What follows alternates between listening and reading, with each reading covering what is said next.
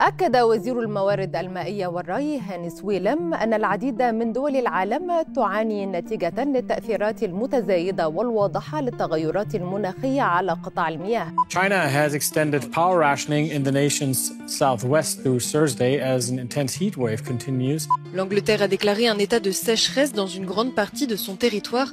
Depuis cinq mois, la pluie manque et les températures explosent. La source de la Tamise est complètement tarie sur plusieurs kilomètres. Un verano con temperaturas récord está mermando el caudal de muchos ríos en Europa. Se estima que la mitad del continente encara una sequía sin precedentes. فوباء الجفاف يضرب في كل مكان وينتقل عبر القارات من الصين إلى الولايات المتحدة وأوروبا بكل لغات العالم وفي أغلب الدول الغنية منها والفقيرة كمان وضعت التغيرات المناخية بصمتها بقوة على مصادر المياه الأمر اللي بيهدد الأمن المائي والغذائي لحوالي 7.9 مليار شخص بيسكنوا كوكب الأرض. وبقت أخبار التغيرات المناخية والمياه فقرة شبه ثابتة في نشرات الأخبار. فهنلاقي النهارده خبر عن انخفاض شديد في منسوب المياه في أطول أنهار الصين وامبارح خبر تاني عن جفاف نهر في فرنسا وأخبار كتير عن موجات جفاف بمناطق متفرقة في الشمال والجنوب وكل الأنحاء. حاجة تخوف فعلا.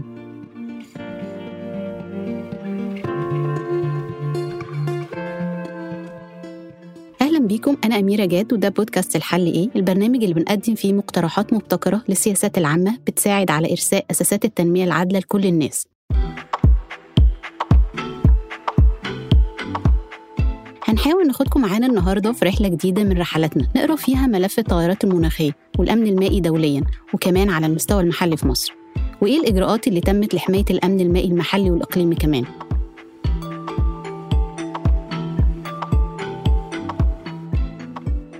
في عوامل كتير بتهدد الأمن المائي بس أهمها التغيرات المناخية اللي بتعمل احتباس حراري. الاحتباس ده بيغير في حاجة اسمها الدورة الهيدرولوجية ودي بقى بتغير من أنماط سقوط الأمطار وبتزود من الظواهر الكارثية زي الجفاف والفيضانات. وعلشان نقرا بعمق تأثير التغيرات المناخية على المياه لازم نعرف إيه هي مصادر المياه في الأول. علشان نعرف إزاي ممكن تتأثر.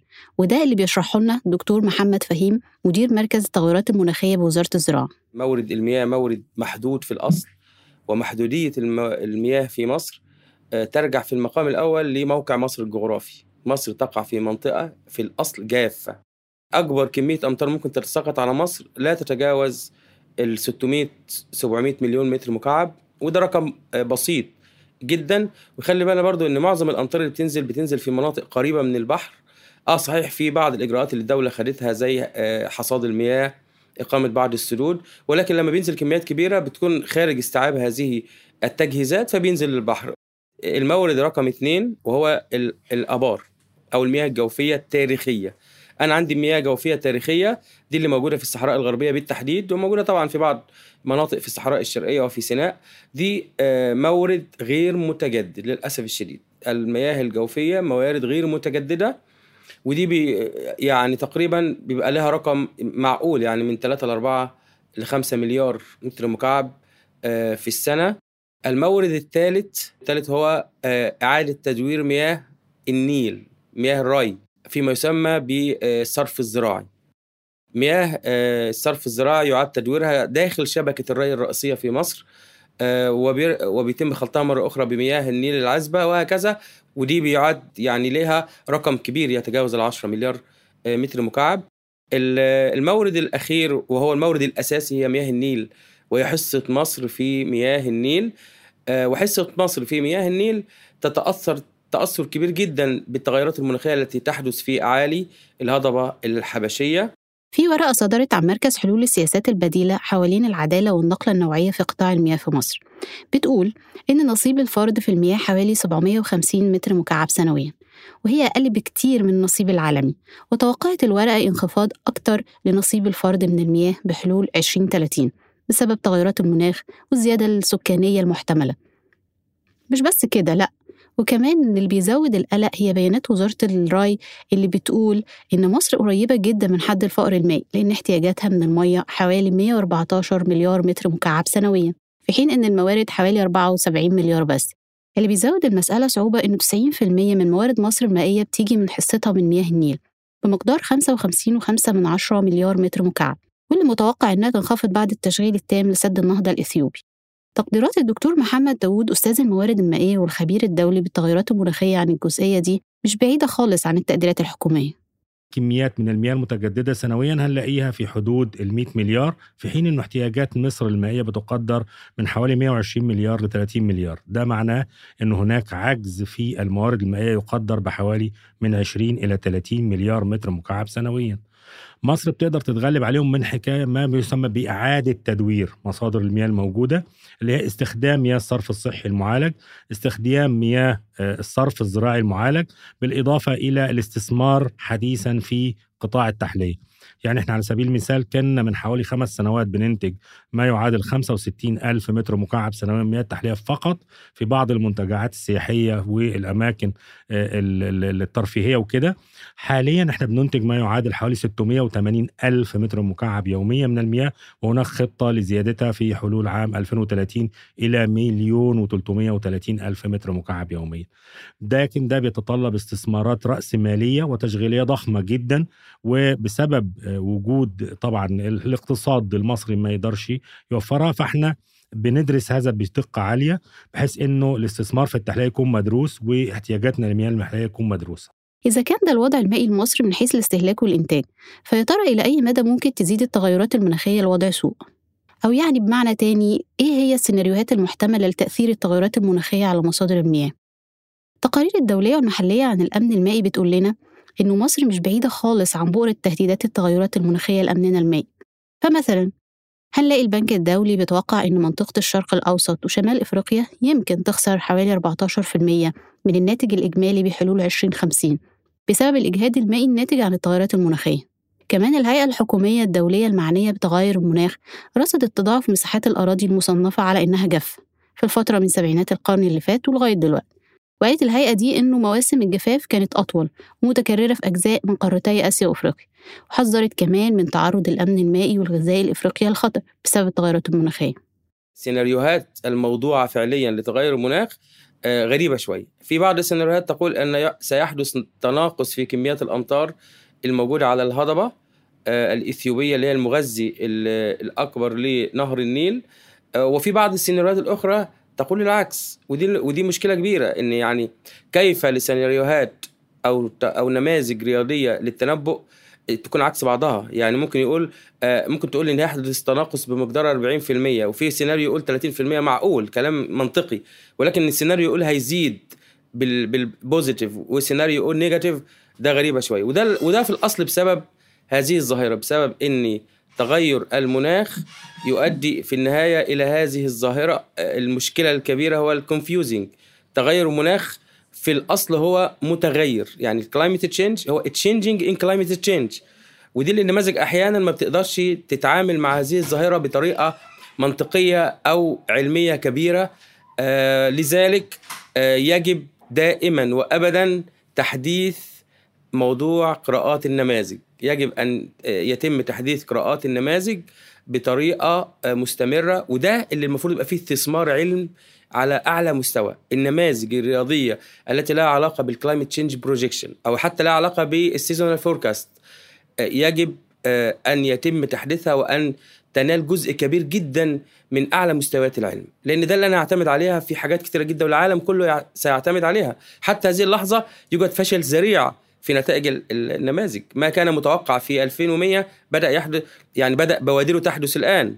وما كان متوقع في 2020 و2050 حدث من سنين.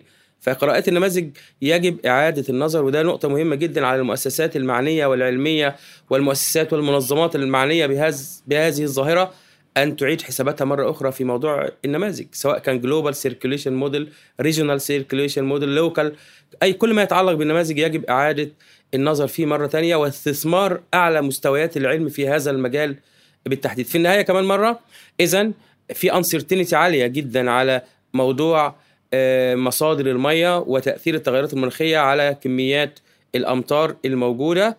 في مقابل عدم اليقين اللي بيصل لدرجة تناقض في بعض السيناريوهات اللي يمكن يواجهها الملف المائي المصري بسبب التغيرات المناخية في كمان سيناريوهات تانية شبه مؤكدة. التحديات اللي بتنتج عن التغيرات المناخية واحد هو ارتفاع درجات الحرارة. ارتفاع درجات آه، الحرارة بيؤدي إلى زيادة الاحتياج على الطلب أو زيادة الطلب على الموارد المائية وخصوصا أنه القطاع الزراعي في مصر بيستهلك حوالي 85% من إجمالي الموارد المائية المتاحة بحوالي 38 مليار ل 39 مليار متر مكعب سنويا في القطاع الزراعي لوحده. فكل ما زادت الاحتياجات في هذا القطاع الزراعي أدى ذلك إلى إنه إحنا احتاجنا موارد مائية أكتر في حين إنه مواردنا زي ما قلنا محدودة ومحددة جدا سلفا من بعد اتفاقية 1959 اللي هي آه، قسمت موارد مياه النيل ما بين مصر والسودان. وبالتالي هذه الموارد من هذا الوقت من يوم كان تعداد سكاننا 18 مليار نسمة ما زادش.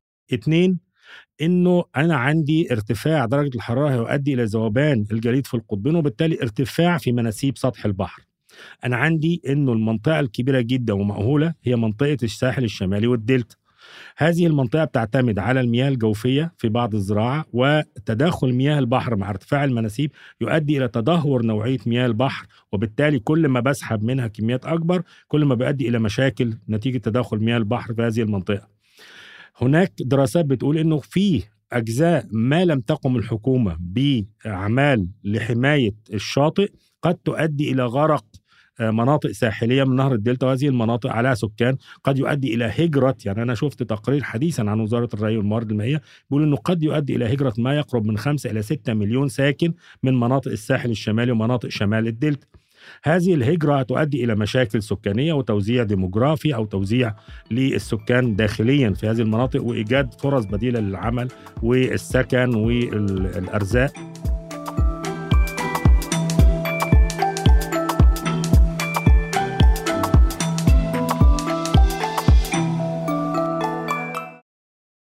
بحسب مارك سميث المدير العام للمعهد الدولي لإدارة المياه في محاضرة ليه في مركز حلول السياسات البديلة حوالين الأمن المائي والغذائي قال إن مصر بتواجه ندرة في المياه بسبب التغير المناخي وده بيهدد الأمن الغذائي علشان معظم المياه في مصر موجهة للزراعة وبالتالي نقص المياه هيأثر على المحاصيل اللي هي المصدر الرئيسي للغذاء ومن هنا بتيجي المخاوف من انعدام الأمن الغذائي نتيجة لانعدام الأمن المائي. وعلى أرض الواقع هنلاقي محاصيل كتير زي الزيتون والمانجا انخفضت إنتاجيتها بنسب تتجاوز النص بسبب ارتفاع درجات الحرارة بحوالي 3 أو 4 درجات السنة اللي فاتت عن معدلاتها الطبيعية زي ما بتقول هيئة الأرصاد الجوية. الأرقام الحكومية وغير الحكومية بتقول إن مصر بتعاني من شح مائي.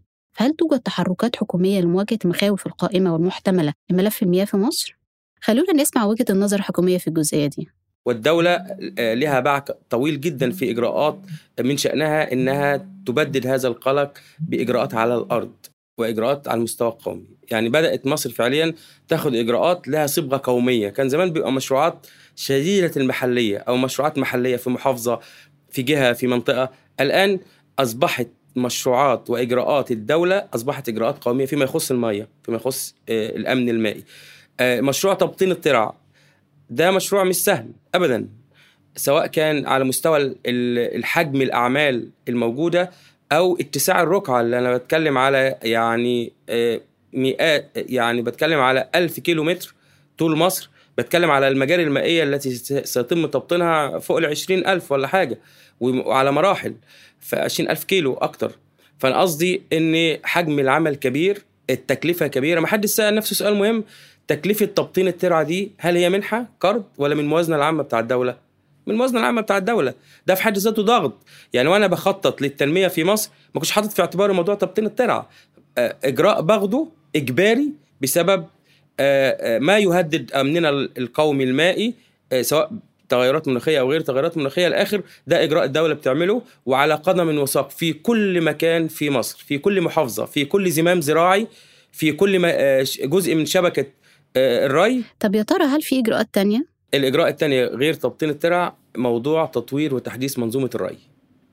آه، بحك- بحكم القانون الأراضي الجديدة آه، الأراضي الصحراوية تروى بالري الحديث. ده بحكم القانون سواء كان رش أو تنقيط. آه، حتى لو لو كانت المياه متاحة.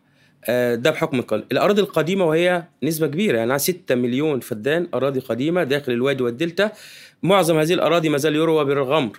الري السطحي المعروف التقليدي آه ليه؟ لأن المزارع آه يعني اعتاد على هذا ال- ال- النوع من أو هذا الشكل أو هذا الأسلوب من الري لفترات طويلة الدولة الآن تستهدف برضه تدشين مشروع قومي. على مستوى ال- ال- ال- الستة مليون فدان هن هنجنب منهم حوالي مليون ونص أو 2 مليون في شمال الدلتا. دي أراضي متأثرة بالملوحة نوعا ما فمش هينفع معاها موضوع الري الحديث ولكن ينفع معاها ممارسات أخرى من شأنها إنها تقلل أو ترشد استخدامات المياه. وأما نقول إن أنا برشد استخدامات المياه مش الهدف الأول توفير ميه الهدف الأول هو آه، عم- عملية صيانة للتربة الزراعية المصرية. كتر الري بالغمر كتر الري بالغمر ده بيعمل مشاكل كبيرة جدا في التربة المصرية. ولكن الري الحديث إن أنا أدي النبات على قد حاجته آه، من المياه ده في حد ذاته بيعمل إعادة لصيانة هذه حتى المناطق اللي حصل فيها صرف مغطى رجعت خصوبة التربة آه، آه، تعود تدريجيا مرة أخرى. إن أنا بدأت أقلل كمية المياه المخزنة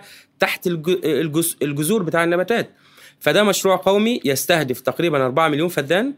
الدولة مشكورة آه، دشنت مبادرة أن يتم آه، آه، إن المزارع آه، ليه قرض بدون فايدة على 10 سنوات إن يبتدي يعمل آه، تحديث لمنظومة الري. طبعا الموضوع هيكون جماعي ما ينفعش مزارع أو مزارع لأ بيبقى موضوع جماعي وبخطة واضحة. ودلوقتي فعليا الدولة آه، بتقوم بهذا الإجراء تجريبيا في محافظتين محافظة بني سويف ومحافظة القليوبيه آه، حتى يتم تعميمها على جميع المحافظات بس لازم يكون في prototype عشان أعرف آه، إيه التحديات اللي ممكن تقابلني إيه المشاكل إيه الدروس المستفادة ونبتدي نتوسع فيها. فالدولة فعليا بتاخد هذا الإجراء وده إجراء مهم جدا.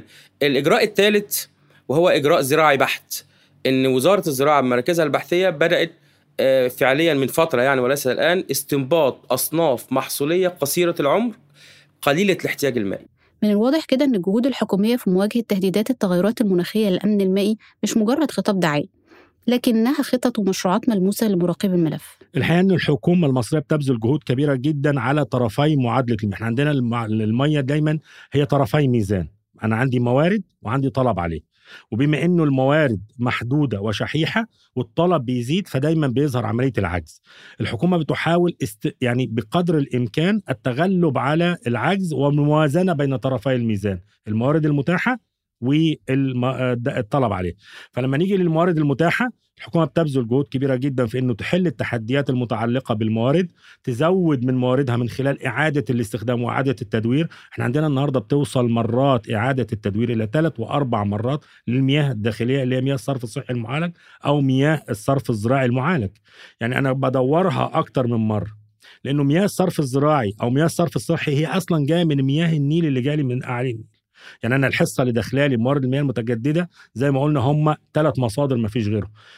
إحنا النهارده بندرس آه، مشروعات في أعالي النيل آه، لمحاولة زيادة الحصة المائية في مصر. الجهود المحلية اللي بتقوم بيها الدولة لتخفيف آثار تغيرات المناخ على الأمن المائي يمكن تكون مرهونة بجهود موازية على المستوى الدولي وبمناسبة إن مصر بتستضيف قمة المناخ خلال نوفمبر اللي جاي. تفتكروا ممكن يتم تكثيف الجهود الدولية من خلال المؤتمر ده من ناحية ملف المياه في المستقبل؟ خلينا نشوف وجهة النظر الحكومية في تطلعاتها لنتائج المؤتمر من خلال دكتور محمد فهيم. مصر هترأس هذا المؤتمر. يعني رئاسة المؤتمر آه، مصر نيابة عن قارة أفريقيا آه، وليس نيابة عن نفسها. فده هنا المسؤولية كبيرة إن مصر بتدافع عن مصالح قارة كاملة. هذه القارة مظلومة فيما يخص تغير المناخ وخاصة موضوع الأمن المائي لقارة أفريقيا بصفة عامة وليس مصر فقط.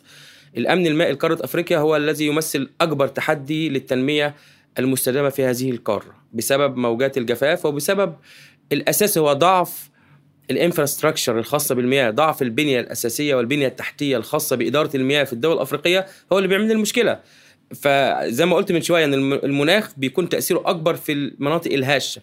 الهشة دي ممكن تكون هشة طبيعيا وممكن تكون هشة بسبب غياب الادابتيف كاباسيتي الادابتيف كاباسيتي لتغير المناخ ضعيفة في هذه البلدان. فاذا آه، فرصة كبيرة ومسؤولية أكبر لمصر أن تخرج من هذا المؤتمر بمجموعة من آه، م- بمجموعة مهمة من التعهدات والالتزامات الفعلية لصالح القارة الأفريقية ولصالح كل الدول النامية مش القارة الأفريقية بس. مصر تمثل في هذا المؤتمر مصالح قطاع كبير جدا من الدول لم يتم التعبير عن مصالحهم في كل المؤتمرات السابقة. لازم ياخدوا إجراء لمصلحتهم الشخصية لأن دي أنانية معروفة على الكرة الأرضية للدول دي. فلمصلحتهم لازم يبقى في إجراءات مهمة جدا هتتاخد وده اللي إحنا متوقعينه.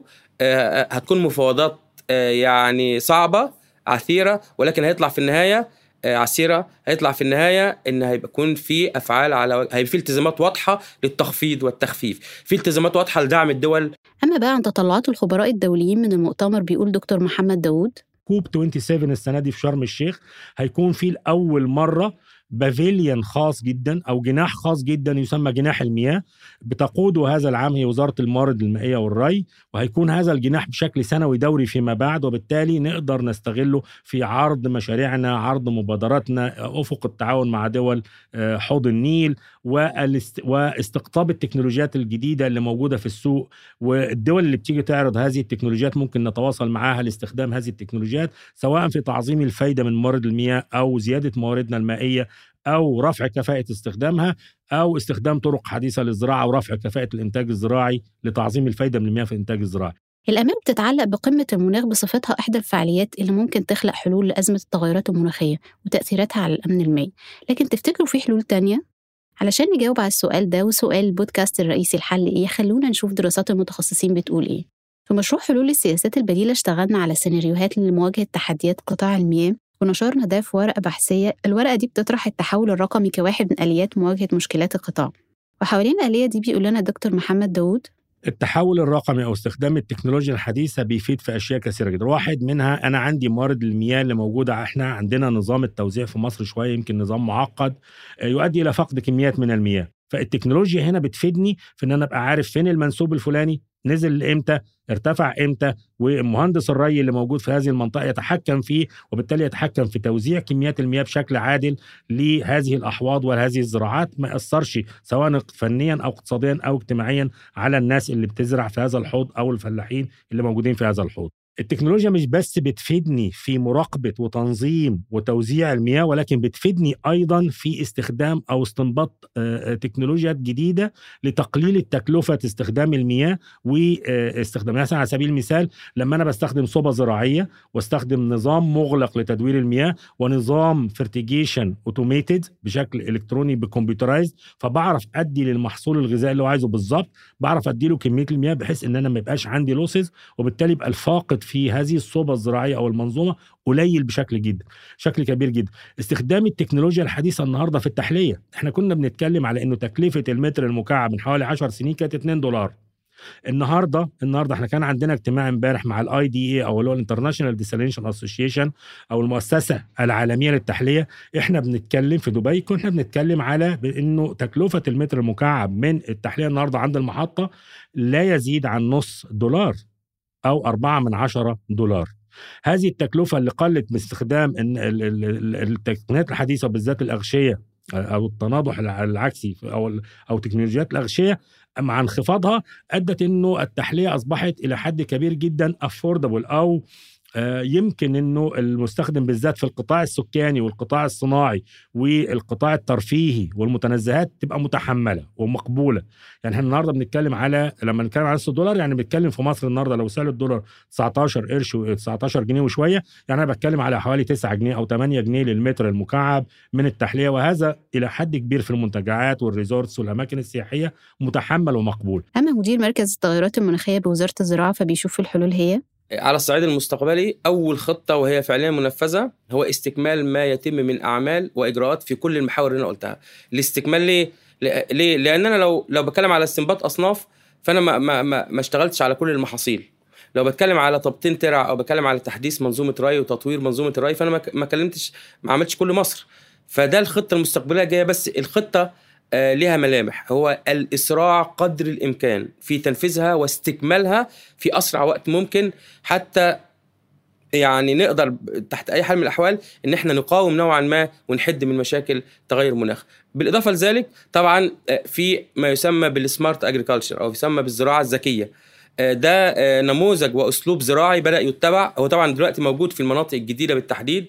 يجب أن أن يوضع في المقام الأول مورد المياه هو الأولوية الأولى لمصر خلال الفترة القليلة ال- ال- القادمة سواء في صورة المشروعات في صورة موازنة البحوث والتطوير والعلم وهنا دور العلم مهم جدا. دور الدراسات اللي حضراتكم بتعملها والسياسات ال- الموجودة دور في منتهى الأهمية. يجب أن يكون هناك سياسة واضحة للتعامل مع هذا المورد. العشوائية لا تفيد. المياه يجب أن تعامل في مصر على أنها شيء مقدس مش شيء ديني يعني شيء مقدس للبشر. التعدي على المياه بهذه الطريقة حتى من الأفراد. آه، أنا شايف في جرأة كبيرة جدا على المياه حتى من الأفراد العادية جدا اللي يفتح حنفية ويفضل يغني هو مش عارف بيعمل إيه وينزل 10 لتر و15 لتر ميه يعني هدر كبير جدا للمياه حتى على مستوى الأفراد. ثقافة المياه ثقافة أن المياه عبارة عن مورد مقدس.